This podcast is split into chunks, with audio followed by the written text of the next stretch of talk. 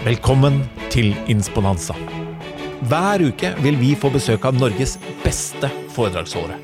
Det alle gjestene våre har til felles, er at de er her for å inspirere deg, og at du kan booke de på athenas.no.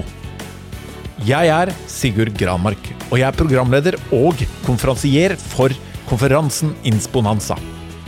Mer informasjon og billetter finner du på athenas.no. Velkommen til Insponanza. Dagens gjest i uh, Insponanza er en uh, kar som gjorde uh, det med mentaltrening til et uh, område som folk ble kjent med utover at det var uh, noen psykologer vi hørte om i bakgrunnen på Olympiatoppen. Han er en uh, forfatter som har solgt en rekke bøker. Hans første bok, 'Bli best med mental trening', var en ordentlig kioskvelter. Man sier ofte at han er en bestselgende forfatter, men det er han. Nå er han ute med boka 'Mental Rehab'. Han har vært igjennom en reise som jeg tror har krevet mye av han, som han har sagt han er villig til å dele litt med oss på, men Erik Vartan Larsen, velkommen til Insponanza. Tusen takk, veldig hyggelig å være her. Hva er mental trening, Erik? ja, vi, vi, vi, går rett på. Åh, det er et vanskelig spørsmål. Jeg, jeg har innimellom liksom, lent meg til at, jeg, at min definisjon er å bli mer bevisst. Mer bevisst på sine tanker. Det er på en måte kort, korte svaret. Mm.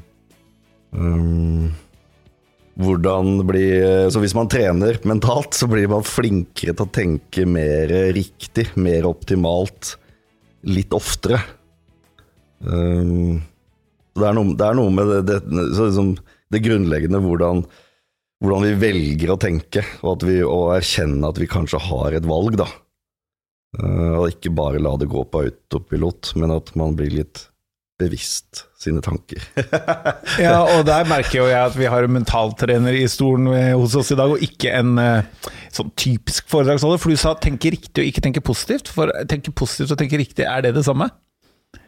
Nei, for meg blir det litt sånn corny hvis man skal prøve å være positiv hele tiden. For det er, liksom, det er, det er vanskelig. Men noen ganger så kan man prøve å tenke litt mer positivt som en, en øvelse, hvis det, er, hvis det er veldig negativt. Men, men, eh, men, det å være pos, Det er bra å være positiv, men jeg, hvis man tenker på mentaltrening, så tenker jeg at vi må, vi må prøve å trene oss til Og det, og er mulig, da. Liksom, prøve å trene oss til å tenke mer riktig i forhold til hva man, eh, forhold til hva man føler, men også ønsket utfall. Da. Så, så, positiv tenkning i seg selv er litt sånn Ja, det blir Ja, nei, ja. Jeg er nok litt der at jeg mer lener meg til å tenke riktig, ja. Mm. Og um, nå har du gitt ut en bok som heter Mental Rehab. Mm. Eh, hvor eh, Når du kom hit i dag, så sa du at det er en litt sånn emosjonell dag. Fordi nå er den ute. Eh, på en måte så kan man si du er ute. Mm. Du er liksom Av det jeg har hørt og du har fortalt, så er det jo åpen her. Eh, om, eh, om hva, hvordan du har måttet jobbe da, med å tenke riktig for å komme deg gjennom en periode som har vært tøff.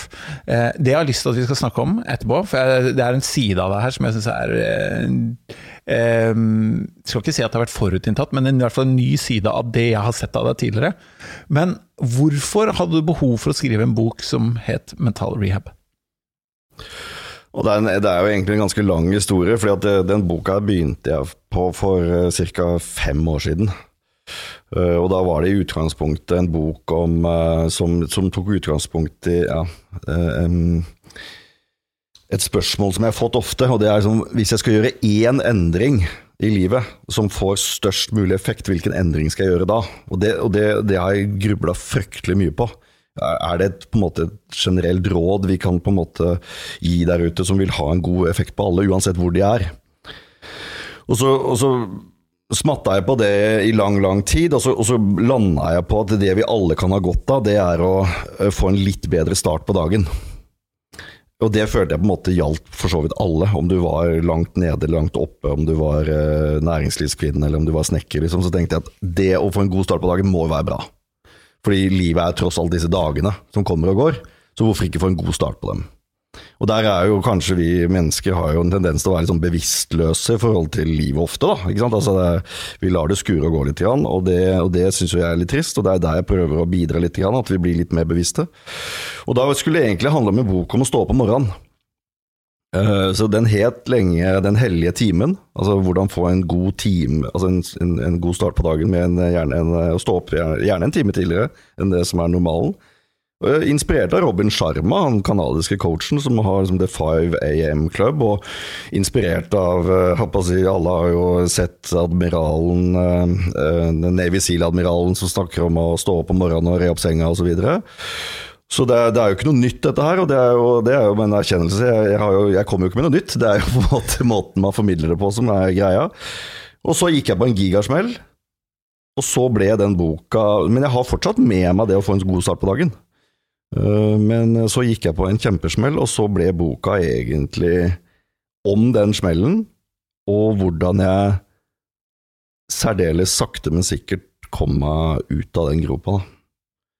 Så boka, er, boka handler om den dagen jeg Den starter med da jeg flyr til rehab. For jeg ville langt vekk og bort. Sikkert skam og sikkert Jeg vet da søren hvorfor jeg måtte så langt bort. Hvor er bort? Flykte. Hvor er bort? Eh, utenfor Chicago. Så jeg, for jeg da Så, da, da, så den boka begynner med re, at jeg flyr til rehab. Og så er jeg der borte i to måneder. Og så skriver jeg i hvert kapittel, det er fem kapitler, så skriver jeg første del av kapittelet min erfaring på rehaben, og så er den siste del i hvert kapittel er da mentaltreningen som jeg opplevde at jeg på en måte eh, brukte der borte, og lærte der borte. Selvhjelp i praksis. Selvhjelp i praksis. Bokstavelig talt. Ja. Og så, han, og så, avsluttes boka med at jeg flyr hjem igjen. Um, Hvorfor havna du på det flyet? Jeg ble jo avhengig av, uh, av, smertestillende, først og fremst. Og så kåla jeg også med en del sovepiller. Men jeg ble, jeg ble jo rusavhengig. Uh, og det Når jeg ble det, er faktisk litt vanskelig for meg å liksom forstå helt. Men et eller annet sted mellom 2007 2010 så gikk dette fra å ha For jeg, jeg var utsatt for en bilulykke i 96, så jeg slitt med kroniske plager. Så jeg har brukt smertestillende en sånn sjelden gang innimellom når det har vært på det vondeste. Så, men et eller annet sted i 2007 til 2010 så gikk det fra å ha fullstendig kontroll, at det ikke var noe som på en måte var, det var ikke noe misbruk, til at det ble et misbruk. En avhengighet. Typ daglig? Ja, i, det var I perioder var det daglig, i perioder var det ikke nå. Eh, men i 2015, 16, 17 da jeg, jeg, tok, jeg, kunne ta vel, jeg kunne få 100 Paralgin forte av legen. Og så sa han at dette må du bruke sånn og sånn. Eh, men det gjorde ikke jeg. Jeg tok altfor mye på veldig kort tid. Og så kunne jeg da være uten i to-tre uker, for jeg turte å spørre han om nye. Ja.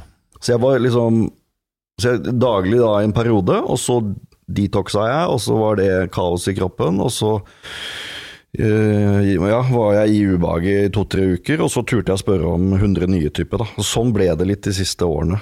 Det er helt jævlig, egentlig. Og så til slutt så erkjente jeg at jeg har et problem. For jeg lovte meg selv og de nærmeste at det her skal jeg slutte med, og det trodde jeg genuint langt inni hjerterota. Jeg trodde nok at jeg hadde kontroll, og jeg trodde at jeg skulle fikse det på egen hånd. Ja. Jeg var jo hard i huet, måtte vite. Mentaltrener og greier. Ja, ikke sant? Så det, det, trodde jeg at dette skulle jeg fikse, og så hadde jeg nok trua. Og så kom på en måte abstinensen, og så kom på en måte den der følelsen, dette behovet, så sterkt at jeg gang på gang på gang brukte igjen, da. Og så ble det jo så ille at jeg endte opp på sykehus en gang, og da bare skjønte jeg at vet du hva, dette her Så jeg måtte ordentlig langt ned før jeg på en måte erkjente at jeg trengte hjelp. Eh, før vi går til den hjelpa du fikk, da. Mm. Eh, hvor, og blir jeg for personlig, så bare svarer du ikke. Ja. Da velger du å svare litt mer politisk. hvor mye var knytta til den ulykken, og hvor mye var knytta til andre ting, mer emosjonelle, psykiske, følsomme ting, av det misbruket? Ja, jeg har ikke noe problem med å være 100 åpen og ærlig på det. Jeg tror at utgangspunktet for pillene var nok denne denne kroniske hodepinen som jeg har. Eh, men jeg tror nok på mange måter at det håndterte jeg ganske greit etter hvert.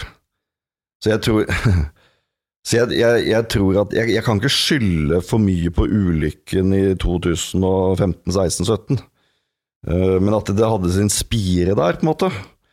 Men etter hvert så ble det jo Og det lærte jeg jo på rehaben, hva som var egentlig grunnen til at jeg kom i uføre.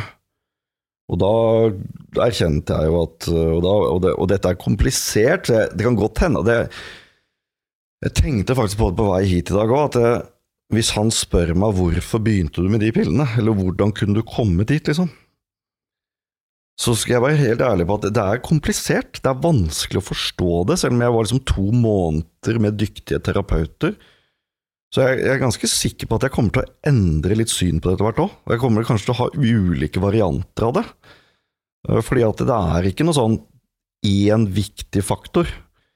Eh, men det jeg, det jeg tror er en sånn Det jeg tror er en viktig faktor, det er at jeg har aldri følt meg bra nok. Mm, jeg, jeg har alltid lurt på det, og du kan gjerne henge på ord som selvfølelse og selvtillit på det, men Og så har jeg nok lenge Og det, det er på grunn av barndommen, så var jeg på en måte litt på utsida. Uh, og, og, og, følte meg liten og stusslig og sårbar. Og så skulle jeg kompensere for dette her. Og så skulle jeg bli han tøffe.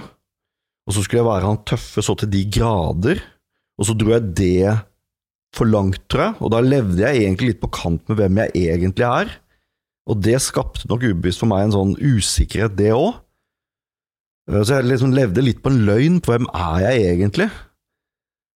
Og de to der, de eh, det å ikke føle seg bra nok, og den neglisjeringen av sårbarheten, tror jeg, den, den tror jeg må ta, den må ta noe av skylda for at jeg til slutt uh, måtte ty til å få numme ut uh, ubehaget med disse pillene. Hvem er du da? Du, er du noe klokere på det nå? Det var, eh, det var det første spørsmålet jeg fikk på rehaben, faktisk. Who are you, Eric? Uh, og det spørsmålet ståla jeg på, husker jeg. Altså det, når han stilte det spørsmålet, veldig hyggelig terapeut, og vi satt sånn som vi sitter nå, overfor hverandre. Vi satt litt tettere, faktisk. Det var litt sånn rart, fordi vi var nesten toucha føtter. Og så så han meg inn i øynene, og så spør han 'Hvem er du, Erik?' Og så ble det sånn Hæ? Det, det spørsmålet har jeg aldri svart på før. Um, og så ble jeg famlende, og jeg følte liksom at jeg var på Jeg følte at jeg, jeg vet jeg er jo nysgjerrig på mennesket og meg selv og sinnet og Så følte jeg liksom jeg nesten var i en sånn eksamen, muntlig eksamen. At liksom, dette må jeg kunne svare på. Uh, for det var et veldig godt spørsmål. Hvem er du? Og da famlet jeg, og så sa jeg noe sånt som Nei, jeg, jeg, jeg er far, jeg, jeg er uh, jeg, er coach, jeg er en mann, jeg er norsk, jeg er 44 år, sa jeg vel den gangen. Og så og så sier han, men hvem er du liksom dypt der nede? Og så, og så sa jeg, vet du hva, har jeg, jeg, har, jeg, har, aldri tenkt på det, sa jeg.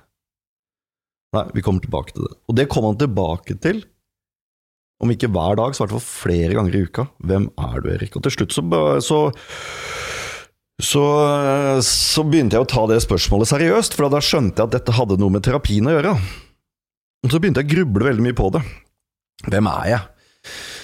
Er det, er det, et filosofisk spørsmål? Er det et biologisk spørsmål? Altså det ble mye Og så var det faktisk en, eh, en, en morgen jeg satt og så ut av vinduet før liksom dagen tok til. Og så Det her høres kanskje litt sånn rart ut, men jeg Rett på utsiden av vinduet der jeg hadde soverom, så var det en gressplen, og så var det et gjerde for dette huset vi var ved, det var inngjerda. På utsiden av det gjerdet så var det en skog. Så har jeg vært der noen uker, og så slo det meg at nå har trærne mista bladene. De så stakkarslige ut, de så nakne ut. For dette her var da liksom inngangen inn til vinteren da i Chicago. Så, så slo det meg at de er, jo, de er jo sårbare, de ser liksom stusslige ut. Og så så jeg videre på disse trærne som svaiet da i ganske kraftig vind den morgenen her, så, så slo det meg men likevel så står de der. Og likevel så er de staute. Og selv om det skulle snø i dag, så står de der like sterkt, da. Og da slo det meg at kanskje denne terapeuten er på utkikk etter hva jeg føler. Så hvem er du, tolket jeg, hva føler du at du er? Og da når han spurte meg da i neste terapitime, så sa jeg at jeg, jeg er ingenting. Jeg følte meg bare helt hul, jeg følte meg helt tom. Og så sier han endelig kan vi begynne å jobbe, Erik. Det blir langt svar. og, så, og så sa jeg da etter hvert i den samtalen, mitt, og så tenkte jeg på de trærne. Jeg er sårbar, jeg er svak, men jeg kan også være sterk. Jeg kan også være staut og stolt. Så jeg kan være begge deler. Og det var på en måte en viktig erkjennelse for meg, da, at jeg både kan være svak og sårbar, og samtidig være modig og sterk, for eksempel. Så hvis du spør meg nå, så er vel kortsvaret jeg er sårbar, og jeg er sterk, og jeg er bare et menneske. Eh, svaret er absolutt ikke for langt. Det som er veldig spennende med den metaforen med trærne, det er jo at eh, eh trærne er jo på sitt vakreste rett før de blir på sitt best skjøre, og kan, kan, kan også stygge, da. Rett før bladene faller, ikke sant. Det er mest fargesterke mm. høsten, og så detter det. Ja. Og den, liksom, den, historien du forteller, da, med den der fasaden, den tøffe, den harde, hvor vi på utsiden hvor du skal til lære igjen å slutte å røyke på Kløfta i en Bentley. Altså, det ser helt fantastisk ut, da. Mm. Og så er det så langt unna at ja, der smalt det. Mm. Og da faller jo bladene. Og da til slutt så må man, eh, så må man bygges opp igjen. da, Bygge nye blader, nye styrke. Og, men, men, kjernen, altså stammen Erik, er jo der. Og det er jo den jeg syns er spennende nå å se hvem du er nå i forhold til hvem du var da. Fordi du sa jo i stad, vi snakket litt om at eh, ja, Du kan jo fortelle at hvis du skulle tatt en tatovering, fortalte du før vi begynte her, hvordan hadde den vært? Jeg tenkte i noen år på at hvis jeg skulle hatt en tatovering, så, så, hadde jeg ville dekke ryggen. ryggen. Jeg har, jeg har, vært litt feig der, kanskje. Jeg, jeg har tenkt på det i mange år, men jeg har ikke gjort det. Så Hvis det skulle vært en tatovering, så, så, hadde jeg på en måte den skulle representere litt den da, hvem jeg er, da. Og da og symbolisere det. Og da, da har jeg tenkt at eh, halve delen av ryggen skulle være Buddha. Uh, som skulle representere det myke, softe, spirituelle delen av meg. Og så skulle den andre halvdelen være en kriger, en samurai eller vikingskikkelse. Og jeg, hadde, jeg, gikk til et eller annet studio her i Oslo og fikk det tegna også. Uh, så det var veldig sånn Hele ryggen skulle dekkes, og det skulle være Buddha, og det skulle være en kriger. Uh, for det er nok uh, det blir nesten litt sånn skjelven når jeg sier det av en merkelig grunn, men det er sikkert pga. alt det som skjer nå. Men det, så det, det føler jeg det, Men det, det, må være litt 50-50, da, og der har jeg ikke vært Jeg har liksom ikke blitt klar over at det er 50-50. Jeg, jeg, har vært veldig mye krigeren. Jeg var nok den spirituelle, søkende, grublende gutten. Jeg var mye aleine, og jeg, jeg lurte på de store tingene i veldig ung alder. Mor og far forteller meg at det var veldig sånn uh, Som liten gutt, 8-10-12-åring, så var jeg veldig sånn grublende i forhold til hva er meningen, og de store spørsmålene. Hvem er jeg? uh, og var veldig glad i naturen, og, og, og, trivdes i å være på en måte i ett med naturen. Uh, bodde aleine i Gapahuk allerede som liten guttunge, og kunne seile i min lille optimistjolle rundt Herføl på Hvaler uh, allerede i 11-12-årsalderen. Og liksom, jeg fikk lov til å være mye ute i naturen, og var veldig i harmoni i, i, meg selv da, på en måte, når jeg fikk være alene. Uh, og i ettertid så skjønner jeg at da var jeg den spirituelle Erik, på en måte. Uh, og så fikk jeg behov for å kompensere for dette her. Og skulle bli han tøffingen, og det var nok fordi jeg ble litt mobba og litt erta, og var alltid valgt sist på fotballaget, og kom alltid nederst på resultatlisten i langrenn, og ble ikke invitert på alle bursdagene og følte meg litt sånn uh, aleine på skolen. Og da hadde jeg behov for å bli han tøffingen, for jeg følte meg sånn utrolig veik. Jeg var veldig liten av vekst også. Skarra på r-en, som jeg fortsatt gjør, for jeg lærte å prate på Vestlandet og sånne ting. Og da hadde jeg behov for å bli han tøffingen, da. Og så ble jo befalsskolen på en måte mitt steg inn i den verden hvor jeg endelig fikk både tilhørighet, men fikk, behov, fikk på en måte utløp for å bli en kriger, da og kompensere for han stusslige i skolegården. Og så dro jeg jo den kjempelangt, så det var jo jeg, jeg, ser jo i dag at jeg var jo Jeg ga meg jo ikke Jeg ville heller dø, jeg. tenkte jeg, eh, på opptak til befalsskolen, enn å gi meg, liksom. De får bære meg ut på båre. Og det var nok bare sånn enormt behov for å bli han tøffingen. Ja. Og så ble det altfor mye av det. Og det er nok, som jeg var inne på, det er nok noe av grunnen til at jeg ble At det ble kål med de pillene. Ja, for det blir jo nesten sånn den ulykka Var det 96 den ulykka var? Bilulykka? Ja, Ja. det er bare litt Ish. sånn der 95 eller 96. ja, det er samme. 95-96, og så er det liksom Det er jo fase to, eller årsak to. Det virker som det nesten har begynt enda tidligere. Uten at jeg er noen psykolog, da, at det, det gjør jo vondt når, er, eh, når man baller så mye identitetsmessig med, med oppvekst, som, eh, som veldig ofte det, det går tilbake til. Da. Og eh, de har jo sett den derre Joko Willink ta bilde av klokka tidlig oppe. Joko Willink er kanskje de alfamail eh, i hele systemet. Som man, hvis man går inn på Instagram, så er liksom, han er den hardeste, råeste Ja, krigeren. og David Goggins. Ja, og David Goggins, liksom, bestekompisen. Og det med deg, eh, Jocko Willings, har en spesialsoldaten og hele den biten der. Til, som du sier, Robin Sharma, munken som solgte sin Ferrari. Det er liksom bare helt den der andre enden, Deepak Chopra, disse nære Så jeg ser jo de konfliktene her. Men eh, hvis du skulle sagt eh, hvem tror du du vil bli nå, da? Én ting er jo hvem du er, og så er det veldig fort gjort at man begynner å snakke om hva, ikke sant? Når man skal snakke om hvem. Eh, eh, og jeg tror at hvis man finner ut hvem man vil være har, Det er kanskje det spørsmålet jeg har gruet mest på selv, da, hvem jeg vil være. For det vet jeg gir meg svarene på hva jeg bør gjøre. Veldig mange leter i hva, så finner de ikke hvem. Det blir sånn motsatt rekkefølge. Men hvem vil du bli, da? Ja. det, er, det er nok en sånn jeg, jeg tror jeg kommer til å være på søken hele livet, på en måte. Og jeg finner nok verdi i å være på søken.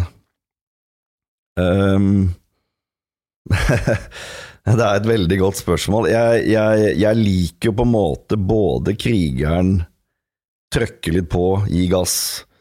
uh, tørre å, å utfordre det man er redd for. Jeg liker jo på en måte å være offensiv og, og, og modig. Eh, jobbe hardt ligger litt sånn under den, eh, den eh, favnen der. Eh, eh, men så, så har jeg også sånn fantastisk Jeg ser veldig opp til mennesker Jeg blir fascinert og inspirert av mennesker som har harmoni, da. Som har roen, og som på en måte eh, kan på en måte la omgivelsene holde på så mye du vil, men det allikevel har en eller annen form for eh, stille vann i seg. Så har det du søker, kanskje? Ja, men samtidig så jeg, jeg tror nok at det er Jeg tror nok at jeg Jeg tror, det må, jeg, tror må, jeg tror jeg må finne meg selv i at det må være litt begge deler. Jeg tror ikke jeg bare skal være en medit, medita, meditativ eh, munk, liksom. Selv om jeg, jeg kunne gjerne tenkt meg å være munk et år. Men jeg kunne ikke tenkt meg munk resten av livet. Uh, og jeg vil gjerne på en måte utfordre meg selv fysisk, og jeg, jeg vil gjerne jobbe hardt i perioder. Og, så det er, det er noe på en måte fascinasjon av begge deler, og der er vi jo forskjellige, vi mennesker. Men jeg tror nok at jeg kommer til å Jeg tipper at jeg kommer til å bale litt, men at det må gå an å finne en eller annen form for ro i begge leirer, da. Uh, men jeg hører når jeg snakker nå at det, det kommer til å være litt sånn konflikt, som et ord som du brukte. det men, men det er greit, det, altså. For jeg, jeg er veldig glad i å For meg er jo suksess å kunne si på slutten av livet at dette har vært en helt fantastisk reise. Det er på en måte et mål jeg har, en, en drøm jeg har, eller en, en visjon. Er jeg på, på dødsleis liksom blir, kan smile litt lurt og si at du verden, dette her var en helt rå reise. Og hva, og hva innebærer det? Jo, for meg er det å leve kontrastfylt, da. Så jeg, jeg, jeg vil gjerne føle mye. Så sånn sett så har jeg bedt litt om bråk. Jeg har bedt om det vanskelige og det ubehagelige og det vonde. Og det er jeg veldig klar over. Så jeg har, jeg har nok i mange år visst at jeg kom til å gå på smeller, fordi jeg vil så gjerne på de høye tinder. Men jeg klarer ikke å hoppe fra tind til tind. Jeg må nedom dalførene, og der er det vondt, da. der er det mørkt, der er det gnagsår, der er det tungt. Men sånn sett så er jeg ikke så redd for det heller, da. Så jeg hadde jo en stemme på rehaben som sa at egentlig så er dette bra for deg, Erik. Selv om jeg kunne Jeg gråt når jeg løp om morgenen. Jeg syntes det var så vondt. Jeg syntes det var så ubehagelig, og jeg syntes det var så skamfullt, og jeg syns det, det, det var helt forferdelig i perioder. Men allikevel så var det en liten stemme som sa dette er grobunnen, dette er et godt utgangspunkt for igjen å komme på en, en, en, en, en Begynne på en ny, fin reise. Da, og igjen kjenne på de gode, sterke, vidunderlige, herlige, fantastiske følelsene. Og de kontrastene som du refererer til, og den gråten på morgenen, og den tatoveringen, da. Mm. Sier krigeren at nå er du svak? Gråt, gråt er eh, for svake folk? Eller sier krigeren at gråt er tøft, gråt er greit, gråt er modig, gråt er ærlig? Ja, da sa han at det var bra. Um, det har han ikke alltid gjort, da. Um, men, men på rehaben så sa krigeren at det, nå er du modig, nå er du sterk, bare gråt. Det er helt uh, Jeg husker når du sier det, så fikk jeg en sånn flashback på Jeg gjorde en, en militær, var med på en sånn militæroperasjon i, i Afghanistan. Og så var jeg i en lei Jeg var i leiren med spesialstyrkene, det som heter FSK nå, og så var det to psykologer på besøk, som besøkte de ulike norske avdelingene i Afghanistan. Og så ble jeg sittende med, med dem på kvelden der, i en sånn bar som de har laget der. Og så spurte jeg liksom, hvordan er det å besøke de ulike avdelingene, og så snakket de litt om det, og hva er det dere hjelper soldater og offiserer med, og så snakket de litt om det. Og så spurte jeg er det noe forskjell uh, å besøke disse spesialjegerne og de andre styrkene. Og så sa hun ene, det kommer jeg aldri til å glemme, så sa hun ja, det som slår meg når jeg møter disse Jeg har ikke vært spesialjeger, men, men, men, men jeg har alltid sett opp til dem, og liksom alltid sett dem som de råeste krigerne. Og da sa hun at det som slår oss når, når vi besøker eh, FSK, er at de gutta, de gutta her, de klemmer hverandre. De viser følelser overfor hverandre. Og det må de kanskje, for å håndtere det, fordi de er på mer krevende oppdrag enn de fleste. Det, men det syns jeg var litt sånn vakkert, at den, den tøffeste og modigste og råeste krigeren, han tør jo å gråte. Han tør å være, vise svakhet, da. Og det er litt det kanskje jeg fikk hjelp til å forstå da, på den rehaben, at det er, det er helt greit å være svak. Det er helt greit å føle seg ubrukelig, på en måte. Eh, Det, det er greit, det. Det er greit å være sårbar. Det er bra å være sårbar. Og Ja. da, da begynte jeg å si til meg selv, den dagen jeg på en måte oppdaget at jeg er sårbar så, For jeg hadde jo sagt til meg selv at jeg er en tøffing. Men den dagen jeg begynte å si til meg selv at jeg er sårbar, så følte jeg faktisk en styrke i det. da. Redefinere ordet tøft, da. Mm, ja. Hva finner man det med? Mm. Hva definerer Ja, jeg er enig. Fordi, eh, for å prøve bare å ta litt tilbake til, eller oppsummere litt, det er jo den fine Eller jeg ofte, hvis jeg snakker med folk om motivasjon og hva driver en, så er jeg for det første opptatt av at det er deres egen, men når jeg ser trekkene ofte med folks motivasjon, da, eller det som driver de, så er det ofte det de har hatt minst av i barndommen. Om det er status, om det er anerkjennelse, om, eller om det er penger, eller hva det er. Så, og den, den jaget du da fikk, da, etter å ta den plassen, få den statusen eller anerkjennelsen eller bekreftelsen som du aldri fikk i skolegården eller hos venner ved at man var alene, og så får du eh, eh, lagskompiser i forsvar og alt dette her. Grunnen til at jeg syns det er spennende å dra med det nå, det er at noen ganger når jeg har snakket med folk og observert folk, også i eget liv, da, for jeg har en del sider av meg, og det har jeg vært oppe med mange ganger, som jeg ikke liker, men hvis pendelen slår for mye andre veien, så begynner jeg til slutt å ikke trives med det også. Kan du akseptere at noen mangler eller sider ved deg som ikke alle andre definerer som riktig og fine, må du ha med deg for å være hel? Eller må du lappe sammen alt for at det skal passe en, en, en form for en støpeskje som Erik nå skal matche?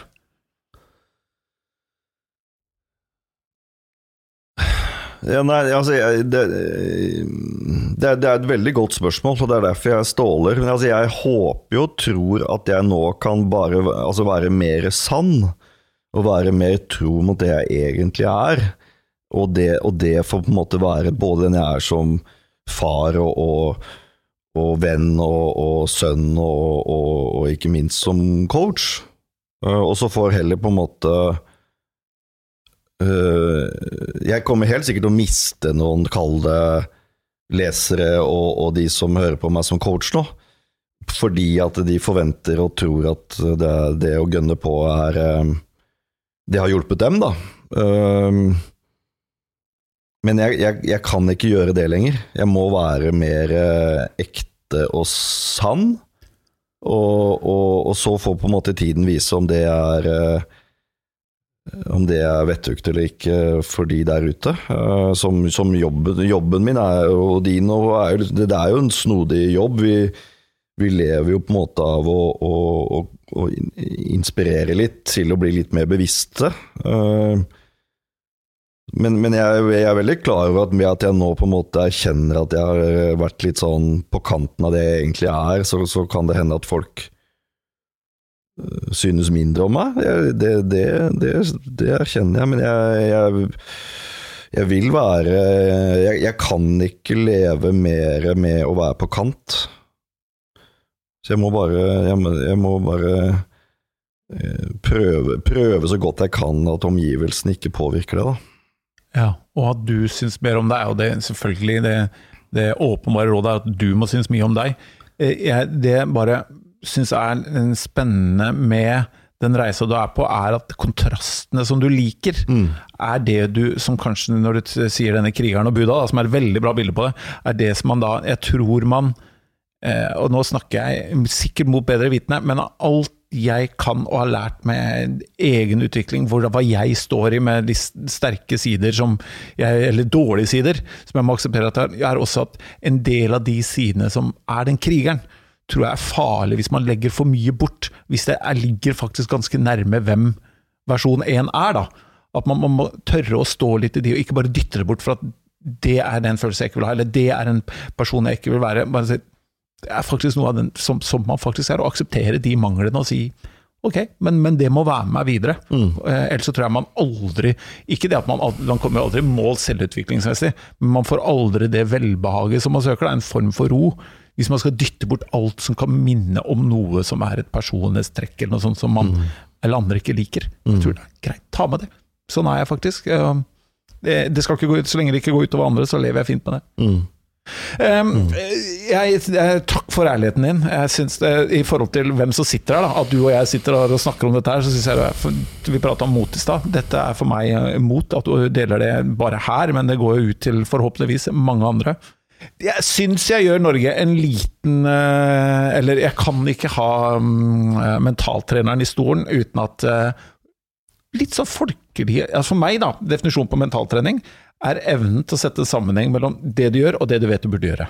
Jo oftere du gjør det du burde gjøre, jo bedre valg tar du. Over tid så får du de resultatene eller livet du ønsker. da. Ja. Om det er tanker eller aktive valg. Hvis du skulle gitt noe sånn mental trening mm, for uh, gud og hvermann som sitter nå i uh, jeg, det trenger nødt, det trenger ikke å være for ork, om de skal opp i vekt, ned i vekt, drikke mer, røyke mer, vet ikke. Men kanskje rett og slett også stokke tanker, eller helt fritt. Noen sånn bare fritt å gi folk noen råd som innenfor mentaltrening. Eh, fra Mental Rehab, f.eks., fra boka. Ja.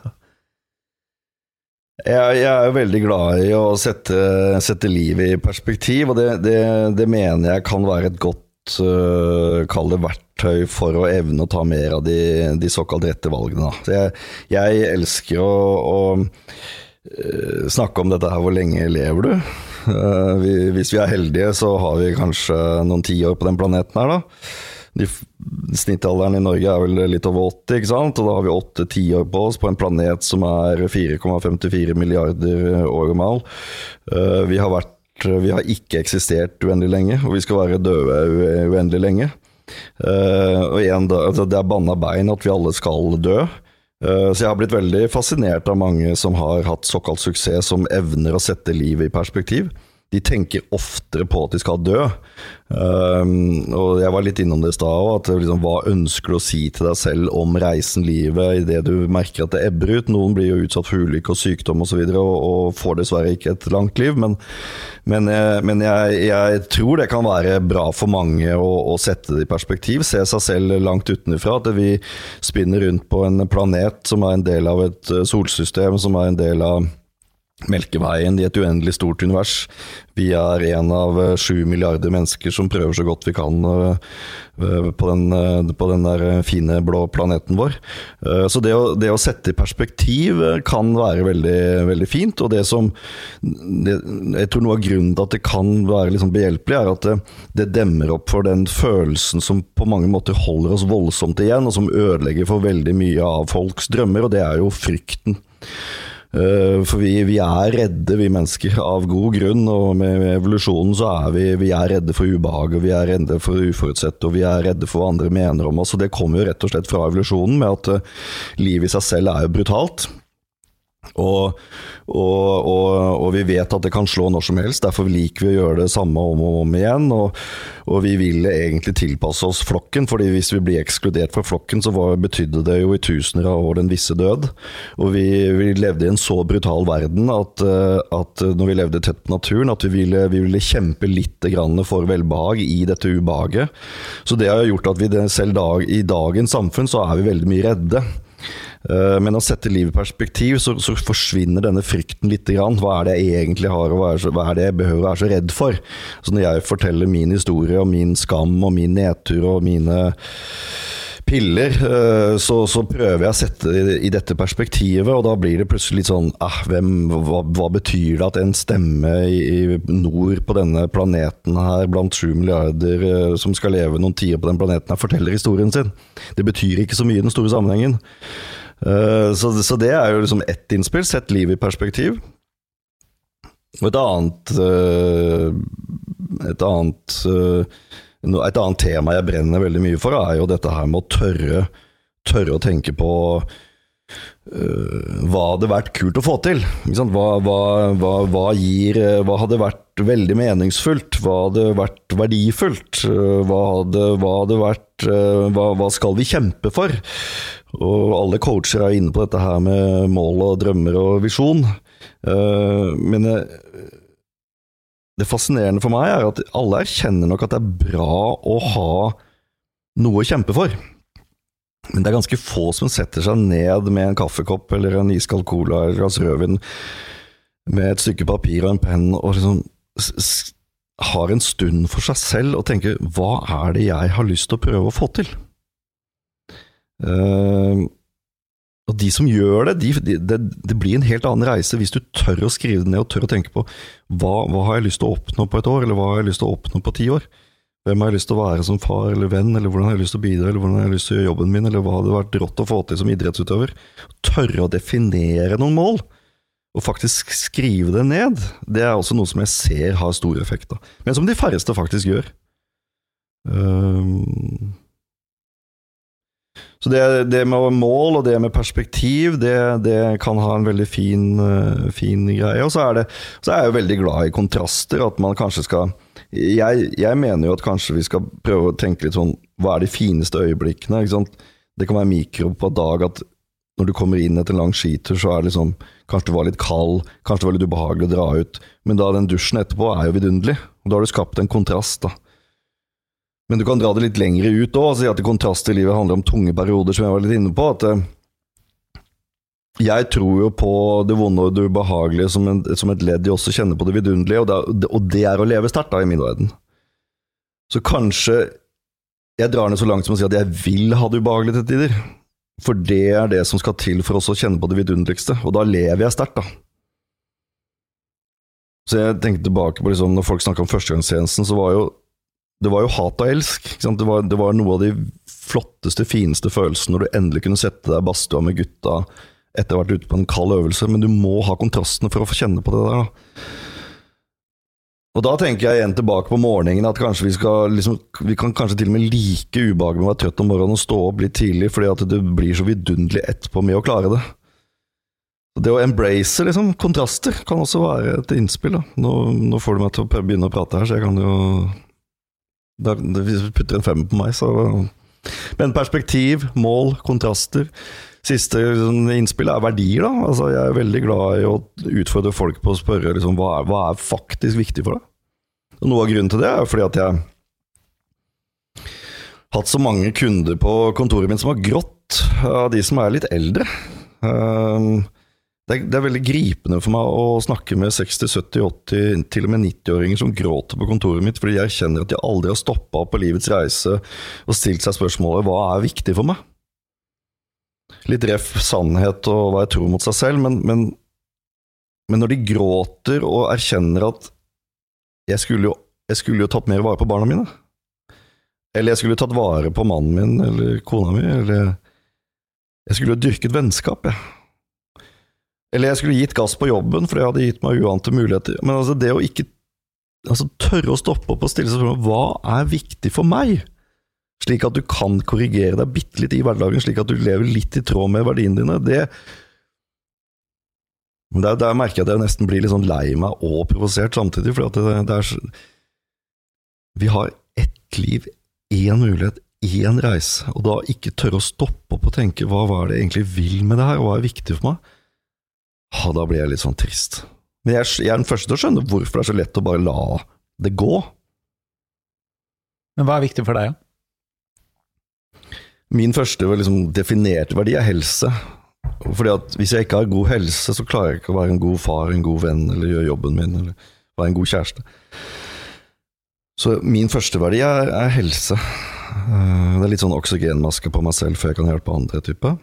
Uh, og så er det og så er nummer to for meg kjærligheten.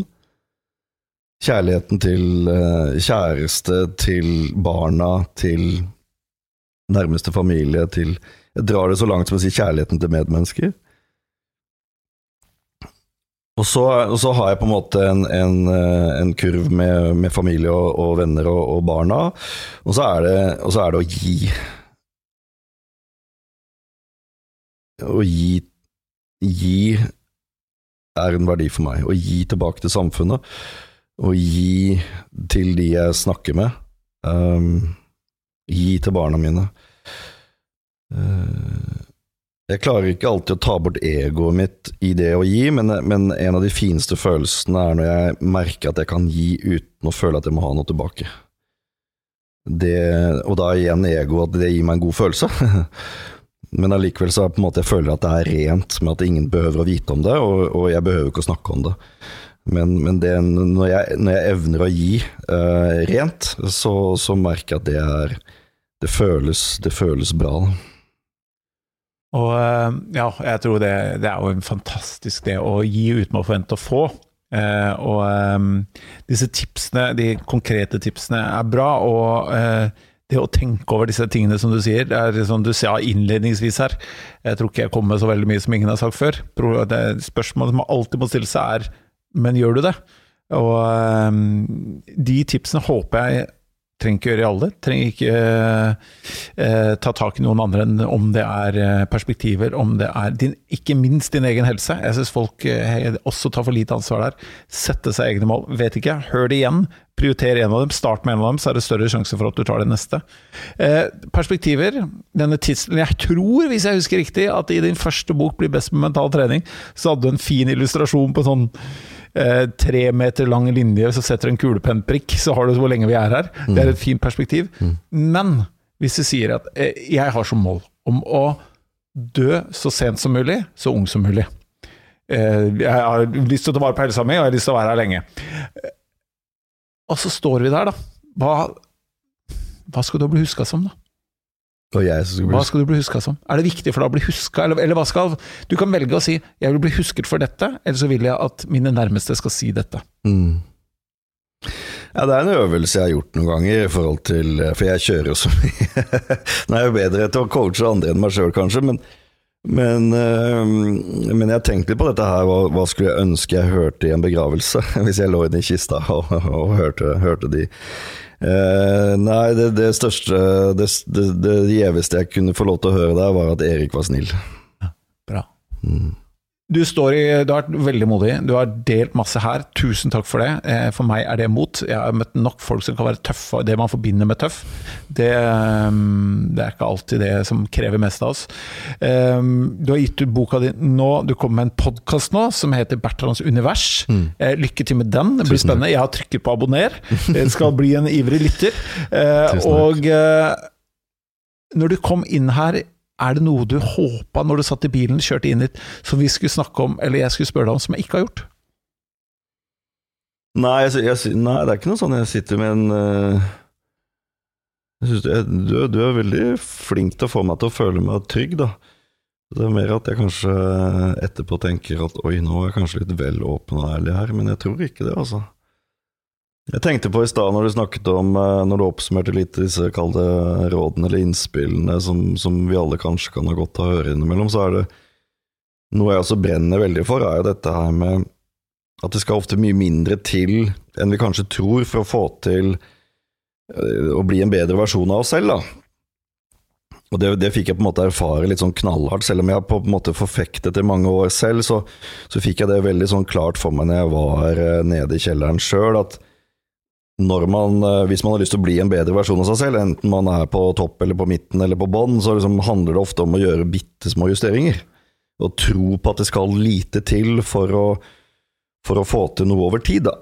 Så jeg er veldig glad i uttrykket 'litt er mye', fordi at hvis man gjør bitte små justeringer, så vil det bli, få enorme følger over tid. og det må liksom, Jeg tror vi mennesker har godt av tro på det. Om det, om det handler om noe som enkelt å begynne å trene litt, eller spise litt sunnere, eller øh, være flinkere til å planlegge dagen, eller hva det nå enn er. Så liksom, Bare tro at litt betyr mye. og Om det så bare betyr å ta to pushups øh, og to situps, eller gå seg en liten tur, så, så, så, kan dette sakte, men sikkert rulle og nesten bli eksponentielt og få en stor stor effekt. Altså, jeg tror liksom, eh, det, det, det har jeg veldig trua på, at uh, litt, litt, litt, bedre.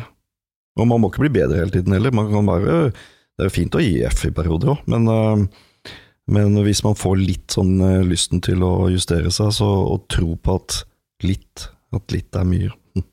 Ja, det var vel en, en, en, kar fra Toronto som du nevnte i stad, Robin Sharma, som sier at små daglige forbedringer gir fantastiske resultater på sikt. Mm. Og hvis eh, en organisasjon Vi gjør dette er jo Athena, som er vår eh, felles eh, management, som har ansvaret for denne podkasten. Og hvis en nå når vi har blitt litt kjent med deg, hvis en organisasjon vil bli litt bedre, som er målet til en foredragsholder, og skulle booket eh, Bertrand Larsen på et foredrag fremover nå hva hadde vært det ønsket ditt? At de skulle booke på deg? Hva hadde du følt at dette har lyst til å snakke om? Jeg har, veldig, altså jeg, jeg, har jo, jeg har, jo, med meg tankegods eh, fra 15 år nå som, som jeg gjerne vil dele litt. Grann. Eh, men, men, men ispedd uh, mer om det å feile, og det å tørre å feile, og hva som er bra med det. Og så vil jeg nok også snakke med altså, Skulle jeg ønske jeg kan snakke med flere bedrifter om det å, å tørre å være sårbar. Um, som menneske, som kollega og, og, og, ikke minst som leder. Uh, tørre å, å, erkjenne at det sårbare i oss er en viktig del av oss for å bli et helere menneske, og faktisk også for å kunne prestere bedre uh, i, i selskapet. Du har gjort meg eh, litt bedre. Jeg er ganske sikker på at du har gjort, eh, ved å dele mye, gjort lytterne her litt bedre. Og jeg, eh, jeg ønsker deg lykke til med alt du skal gjøre. Og eh, hvis du er en organisasjon som ønsker å bli litt bedre gjennom å snakke om de tingene Erik fortalte om nå, om det er sårbarhet, så husk også kontrasten mellom en buddha og en kriger. Skal, du skal også kunne få råd på hva som er gjennomføringskraft, men kanskje vi må starte litt annen ende enn det Erik trodde tidligere. Tusen hjertelig takk for at du kom til Insponanza. Tusen takk. Hver uke vil vi få besøk av Norges beste foredragsholdere. Det alle gjestene våre har til felles, er at de er her for å inspirere deg, og at du kan booke de på Athenas NO.